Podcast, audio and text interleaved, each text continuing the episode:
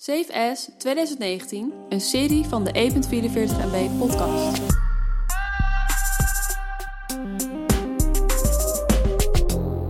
Bram en Matthijs besloten drie jaar terug een podcast te maken om op te slaan wat zij meemaakten in hun zakelijke en privéleven. Niet voor niets is het icoon van de 1.44 MB podcast een floppy. Dit jaar blikken ze terug op een enorme lijst met dingen, mensen, plekken en gebeurtenissen die ze niet willen vergeten. Dit zijn alle dingen die zij op willen slaan van het jaar 2019. Iedere dag behandelen ze één categorie uit hun lijst, zodat je een lekkere bite-sized podcast hebt in de ochtenden van deze komkommertijd. Alle items die we bespreken kun je terugvinden op 1.44mb.nl slash saveas. Dankjewel Melis. We beginnen met de eerste dag van onze aftellijst. En we gaan het hebben over boeken. Hier komt onze top 5. Nummer 5. Bij mij op nummer 5 staat Alchemy van Rory Sutherland. En voor mij is dat Free to Focus van Michael Hyatt. Nummer 4. Op nummer 4 heb ik eh Shoe Dog gezegd, gezet van Phil Knight, de oprichter van, eh, van Nike. Super vet verhaal. Ja, super tof. Die heb ik ook gelezen. Leuk boek. Eh, ik heb daar de parade van Dave Eggers. Nummer 3.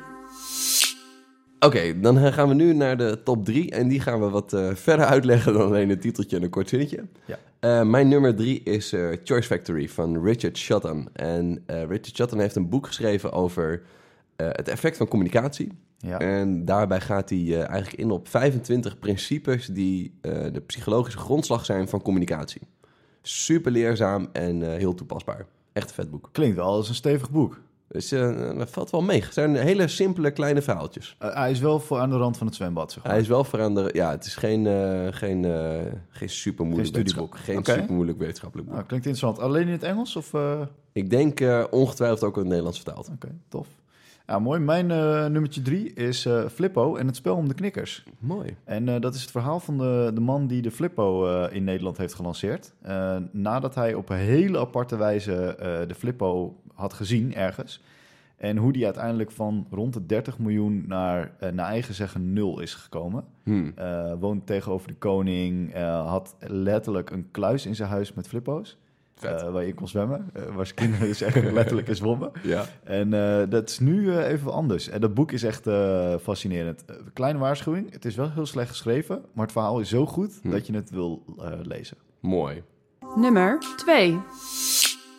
Oké, een van de, eh, van de leukste boeken, of in ieder geval de meest leerzame boeken dit jaar. Want mijn nummer twee bestaat eigenlijk uit twee boeken die mezelf hebben, beter hebben leren kennen. En daarbij is nummer twee voor mij Drive van eh, Daniel Pink. En die eh, heeft het enorm over motivatie, waar je gemotiveerd van wordt, waarom je je bed uitkomt, waarom je doet wat je doet en waarom je van sommige dingen meer energie krijgt dan van andere dingen. En daar heeft hij eh, een aantal pijlers, waarvan de een autonomie is, dus je eigen vrijheid. En nou, ik vond gewoon een, echt een heel vet boek om mezelf beter te leren begrijpen waarom ik dus op sommige dingen heel erg aanga en op andere dingen minder. Tof. Ah, gaaf dat je ook een mooie learning uit hebt gehaald. Zeker. Ik heb daar eh, Onuitwisbaar eh, van Edward, Edward Snowden. Eh, dus dit is de Nederlandse vertaling. Ja, Ik moet heel eerlijk zeggen, ik zag enorm op tegen het lezen van dit boek. Want eh, ik wist eigenlijk niet zo goed of hij een boek kon schrijven. En ik eh, heb altijd een beetje een Julian Assange gevoel bij hem. ja. Zo'n zo'n klokkenluider. Het boek is echt mega goed. Eh, ik, het verbaasde mij echt. Ik heb eh, echt in één adem uitgelezen. Zo goed was het. Waarom heb je de Nederlands versie gelezen? Eh, omdat ik dat net even wat makkelijker vind lezen. Ja. Ehm, en ja, hij was beschikbaar. Ik heb eigenlijk niet heel lang over nagedacht, moet ik heel eerlijk zeggen. Ik, ik kocht hem op de Kindle en ik, ik heb hem toen in het Nederlands gekocht. Oké. Ehm, maar nog steeds, het verhaal is heel erg goed. Het is echt tof. Nice. Over zijn klokkenluiden en wat hij allemaal... eh, Ja, nou, het stukje wat ik wel kan vertellen zonder dat ik eh, verklap, is dat, die, dat je dus ook meekrijgt hoe die tot die beslissing is gekomen. Want hij heeft er ook zelf aan meegewerkt, eh, aan de dingen die hij onthult. ja. En waar is dat besef gekomen en hoe is dat gekomen? En dan zie je ook maar weer eh, dat, het, eh, dat het heel moeilijk is voor, voor mensen zoals hij, maar dus ook voor ons, om het grote geheel te zien van sommige dingen. Ja, ja, ja. Dus dat het soms heel anders is dan dat je echt denkt. Heb je de filming ook gezien? Nee. Rubik's Cubus spelen een hele grote rol, heb ik Kijk, dit, is, eh, ja. dit wordt mooi. Ga kijken. Leuk. Mooi. Nummer 1. Oké, bij mij op nummer 1. En mensen die mij een beetje kennen zullen dat niet verbazen. Maar het beste boek voor mezelf wat ik dit jaar heb gelezen is het boek Grip van Rick Pastoor. Ah, daar is hij. Eh, ik ben best wel. ehm, ik, ik, ik hou wel van productiviteit. En ik ben daar al best wel een deel van mijn leven mee bezig. Hoe ik dingen productiever kan maken. Eh, eh, Getting Things Done was, was voor mij vroeger best wel een bijbel. Ik heb, ik heb vroeger nog op school gelopen met een, met een eigen gemaakt GTD-systeem. Met een, met een mapje met allemaal klappertjes en kleurtjes. En nou, dat was echt fucking nerdy. Maar als ik op terug blik, dan denk ik, oh, dat was eigenlijk best wel lachen. Je was best ook wel vroeg daarmee. Eh, misschien best wel vroeg, inderdaad. Ik vond het wel mooi. Ja.